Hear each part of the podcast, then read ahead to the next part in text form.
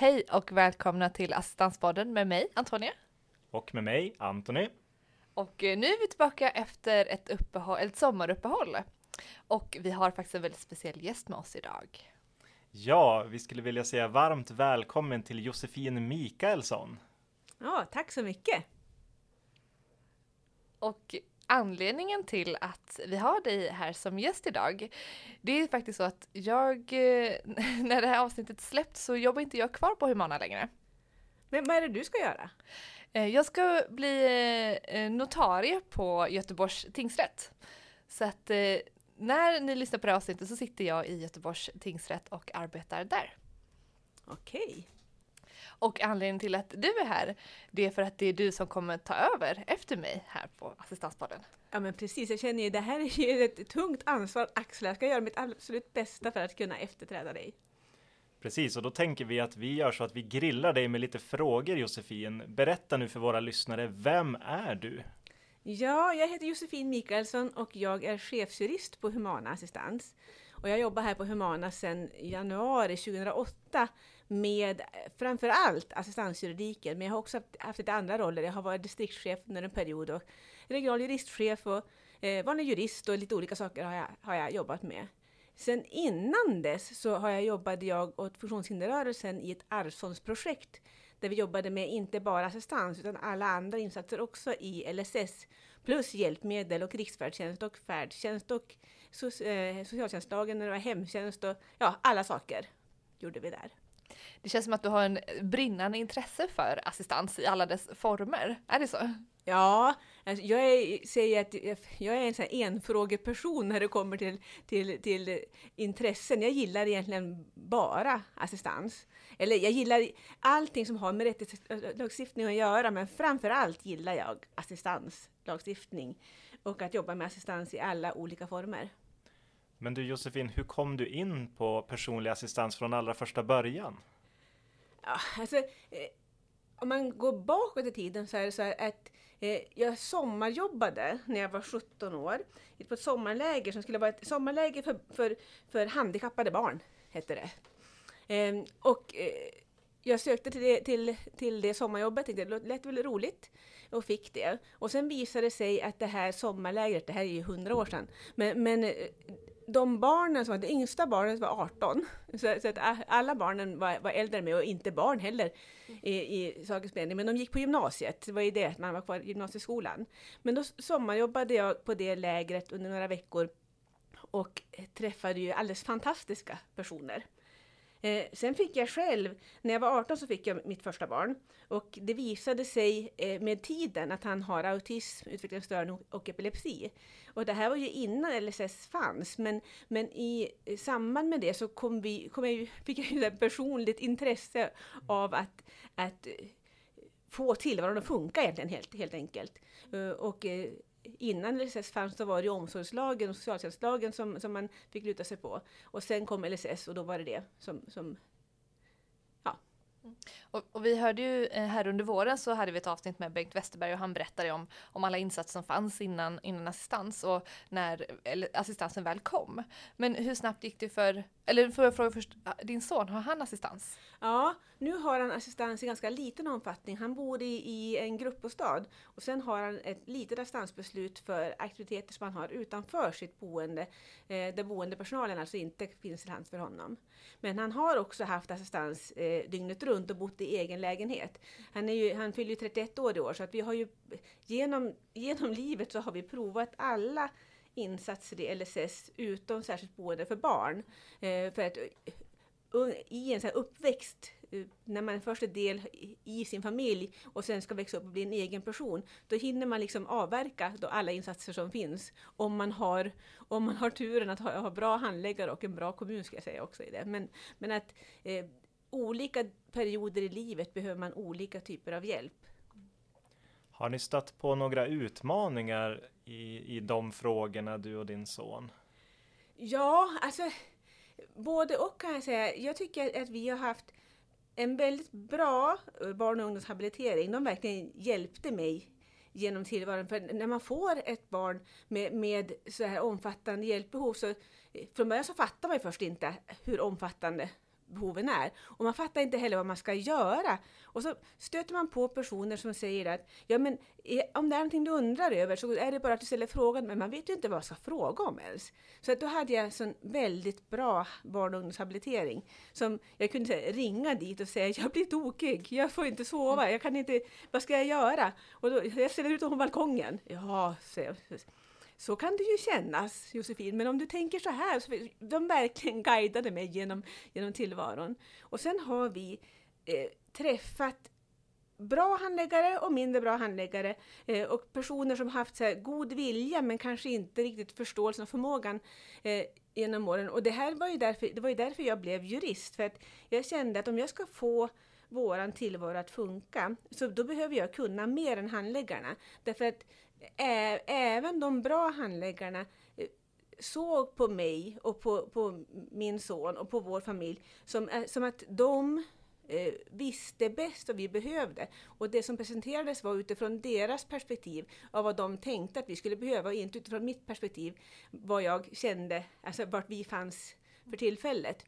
Så vi blev så här påprackade korttids fastän vi inte behövde det. Så att han, min, han började på korttids och vi fattade inte varför han skulle vara där. Men det var så väldigt bestämt att ni, ni behöver avlastning, han ska vara på korttids. Så jag bara, oh, okej, okay, vi provar det. Sen kände jag, men det här är inte det, här, det är mer besvär för mig att skjutsa honom fram och tillbaka till det här korttidset. Så det ställer till mer i min tillvaro än, än att han faktiskt bara är hemma. Men det är så fint, du har precis berättat då hur ni blev delvis påprackade som du sa, korttidsvistelser och du har också stött på handläggare som har varit bra och handläggare som kanske har varit mindre bra och att du kände någonstans att du behövde bli jurist eller lära dig mer för att kunna mer än handläggaren och så. Hur, hur tycker du att det har fungerat sedan du blev jurist och du blivit väldigt engagerad i de här frågorna? Ja, det, det, underlättar ju verkligen att faktiskt eh, ha den här stora breda kunskapen.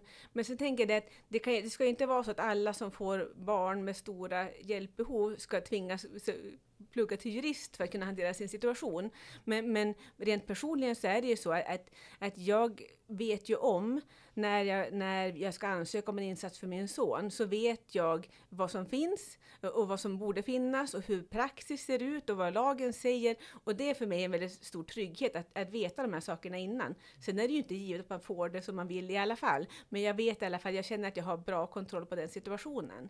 Men sen är det för mig också tycker jag, så väldigt, har varit så bra hjälp i mitt arbete. För jag, när jag möter våra kunder eh, så, så, för, så försöker jag eh, eller så här, ofta när man, när man ska hjälpa en person att ansöka om assistans, då frågar handläggaren vad yrkar du?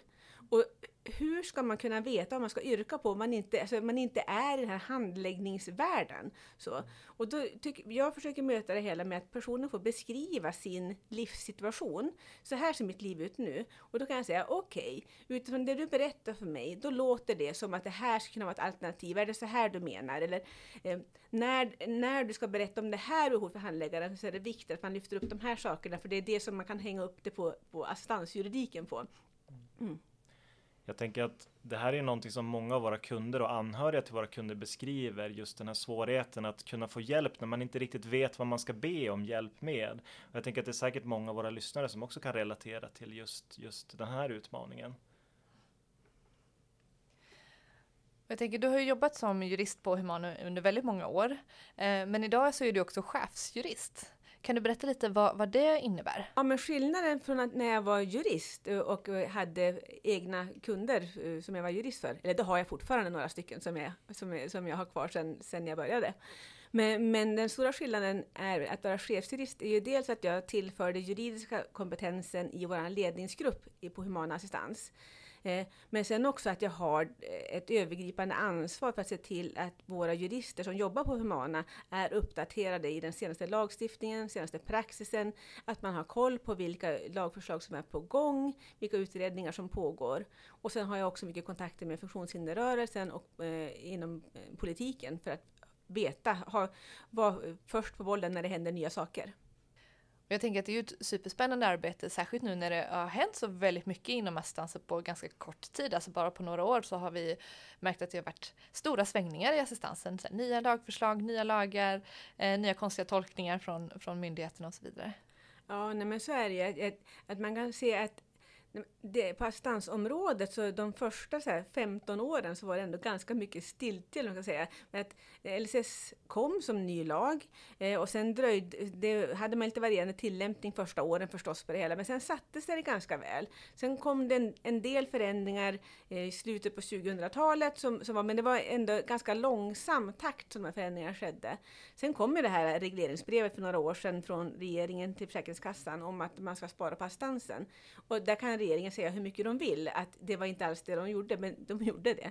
Och det fick också stora konsekvenser. Och där kan man se att man dels att Försäkringskassan har gått före och gör ny tillämpning av, av samma lag, så att man får helt olika Eh, samma behov bedöms på helt olika sätt. Men sen också att, att domstolarna följer efter det. Att, att eh, först kommer kassan med en ny tolkning och sen bekräftar eh, domstolen att den här tolkningen var korrekt. Och sen gör de en ny tolkning av den domen som blir ännu snävare. Och så har vi haft en så här, åtsnävande eh, spiral på, på assistansen. Och nu så har det, har det däremot kommit då nya utredningar och nya direktiv där man säger att man ska stärka rätten till assistans. Så jag vet inte om man är på väg att snurra upp den här åtstramande spiralen nu, att backa tillbaka lite grann. Men de senaste åren så har det hänt oerhört mycket på kort tid. Nej, men och det får vi säkert anledning att återkomma mer till också, de här specifika exemplen på hur det har förändrats. Men om vi tittar lite mer generellt, hur skulle du säga att assistansen har förändrats sedan den kom 1994 till hur det ser ut idag? Ja, alltså jag tycker att det framför allt handlar om att när man skapade LSS så skapade man ju det i en anda att, att man skulle eh, göra människors liv möjligt. Och att, att, det, att Eh, LSS skulle täppa upp alla de här glappen som uppstod i socialtjänstlagen. Att de hinder som beror på funktionsnedsättningen skulle man med lagens hjälp kunna undanröja så att personer med omfattande funktionsnedsättning kunde leva så likt andra som möjligt. Och hela den här, det sättet att se på eh, lagstiftningen som, som, en, som ett sätt att skapa möjligheter, eh, det jag skulle, det, så, så tänker man överhuvudtaget inte längre, varken från handläggarhåll eller från domstolshåll. Utan man ser det som att, att istället för att använda lagen som verktyg för att skapa ett bra liv, så använder man eh, möjligheten att kringgå lagstiftningen för att på något vis skjuta ansvaret vidare på någon annan. Och att istället för att se att, att assistans kan vara en helhetslösning för en person, så blir, blir assistansen bara som typ en annan variant av hemtjänst, en annan variant av bistånd för sin livsföring i övrigt än, än socialtjänstlagen. Så att man får inte längre någon helhetslösning utan man kan få punktinsatser enligt SOL eller punktinsatser enligt LSS. Och, och även om alla, kan, alla inser att om jag beviljar de här punktinsatserna så kommer personen inte att kunna leva sitt liv som andra, så är det inte längre relevant för, för behovsbedömningen. Men då tänker jag att det är väldigt bra att det finns jurister runt om i hela landet som kämpar för alltså de här enskilda brukarnas rättigheter att få assistansen så att man kan få hela sitt liv att gå, ja, att fungera helt enkelt. Ja, Nej, och det här, jag tänker det att så många handläggare som jag har träffat så mycket genom åren, men de här, eh, man säga, de här gamla handläggarna på kassan, de finns ju inte kvar. Alltså, alla är ju utbytta mot, mot, mot nya personer. Och flera stycken har, som jag har haft kontakt med mycket genom åren säger ja men jag kan inte längre jobba med den här lagstiftningen. Jag kan inte tillämpa det på det här sättet. Därför att de är ju skolade i den här gamla skolan med att vi ska se till att människor får leva sitt liv som andra. Och att gå från det till att skapa möjligheter till att bli någon som ska begränsa och hålla bort, det, de är inte kvar. Men som sagt, om vi ser till framtiden så känns det ändå som att man har tillsatt utredningar för att det ska bli bättre och jag tänker särskilt just eh, januariöverenskommelsen, där har man ändå flaggat för att man ska ta tillbaka assistansen så som den var innan 2009, eller domen 2009.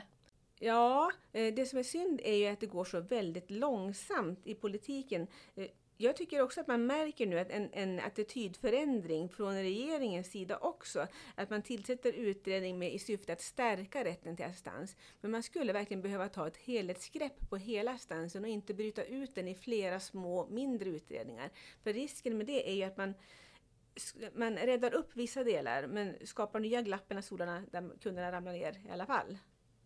Tror du att det är en effekt av att man försöker skynda på, som du ser den här långsamma processen, att man då väljer att bryta ut små delar för att åtgärda dem, men då samtidigt kanske man tappar det här helhetsperspektivet som du nämner? Ja, och att januari, januariöverenskommelsen är ju bra å ena sidan, för man, där kunde man lossa upp en del knutar och komma vidare. Samtidigt så är det ju också så att den låser också in i möjligheterna med att hitta samverkanslösningar över andra gränser. Så, så att, och man kan lätt falla tillbaka i att vi har kommit överens om de här punkterna i januariöverenskommelsen, så då är det det vi gör. Och då, då tappar man fortfarande helhetssynen på assistansen. Jag tänker att vi kommer att få anledning att återkomma till den här typen av diskussioner och vi kommer få lära känna Josefin mer närmare nu den närmaste tiden. Men jag tänkte fråga dig Antonia, nu när du snart slutar här hos oss, vad har varit ett av dina kanske starkaste minnen här i Assistanspodden? Har du någonting som du skulle vilja dela med dig av? Ja, så det är väldigt många fina stunder som jag haft här i Assistanspodden och vi har träffat väldigt mycket häftiga gäster. Eh, måste ju såklart nämna Bengt Westerberg som också då a.k.a. pappa till assistansen. Det var ett otroligt inspirerande avsnitt att spela in och att eh, bara få prata med honom och se hans otroliga glöd för assistansen. Att även om det var så många år sedan som han liksom var med och, och skapade det här lagen så är hans intresse fortfarande assistans och han är, eh, ja, pratar om detta hela tiden och är väldigt, väldigt engagerad. Så otroligt häftigt. Eh, men sen så var det också såklart jätteroligt att ha med eh, min kund eh, Mario som var pratade om, om sitt eh, ja, men engagemang att skapa klubbar för personer med funktionsnedsättning för att ja, men klart man vill också ut och, och festa även om man har en sitter i rullstol eller har en funktionsnedsättning. Eh, och han vill skapa tillgänglighet till det. Så det, det tycker jag har varit otroligt häftigt möte och, och få prata och lyssna på hans idéer. Sen så tycker jag också väldigt fint att ha suttit och prata här med dig Anthony och eh, att vi har, eh, det var ändå vi som kom på Stansbaden för ja, ja, lite mer än två år sedan nu då. Och ja, väldigt roligt att få göra det här med dig. Tack detsamma Antonia och jag, jag, håller med dig. Jag blev också väldigt berörd när vi träffade Mario och eh, jag hade också lite som jag sa efteråt utan att skoja så hade jag nog lite gåshud när Bengt Westerberg beskrev sin vision kring personlig assistans. Eh, och jag vill å allas vägnar nu tacka så hemskt mycket för tiden vi har haft ihop här. Och nu vill jag rikta en fråga till dig Josefin, eh, som, som kommer nu fortsätta med Assistanspodden tillsammans med Anthony. Har du någon drömgäst till podden? Ja, ni har ju redan haft en del av de här drömgästerna. Dels eh, Lars Löv och sen har ni ju haft Bengt Westerberg förstås då, och även Anna Barsk Holmbom som jag tycker är en, en stjärna att eh, både lyssna till och ha med i den här podden. Men om jag får ha en önskedröm om någon gäst, då skulle jag säga Lena Hallengren, socialministern, skulle ju vara fantastiskt kul om man fick prata med henne om vad har hon för tankar kring assistans. Så, eh, och även Försäkringskassans generaldirektör hade också varit väldigt roligt att ha i Assistanspodden. Eh, Ja, vi hoppas att vi, får, att vi får lyssna på dem helt enkelt när de kommer och gästar i Assistanspodden. Och är det så att ni som sitter ute och lyssnar har ett förslag på gäst eller förslag på ett ämne eller kanske en fråga så går det jättebra att kontakta Assistanspodden på mail assistanspodden humana.se. Man kan också gå in och leta upp Humana på eh, både på Facebook och på Instagram så kan man se om det är några uppdateringar där. Och med detta så får jag tacka för mig och min medverkan här i Astanspodden. Och eh, tack Josefin för att du kommer ta över efter, eh, efter mig och eh, tack Anthony för att jag har fått göra detta med dig. Så tack så mycket! Tack själv och tack ska ni ha för att ni har lyssnat på oss. Ja men tack så jättemycket. Det har varit jättekul att göra en så här, ett första prov på Astanspodden och det ska bli spännande att få fortsätta och jag önskar dig Antonia stort lycka till i framtiden och jag tänker att vi kommer att ses och kanske höras igen. Det tror jag nog.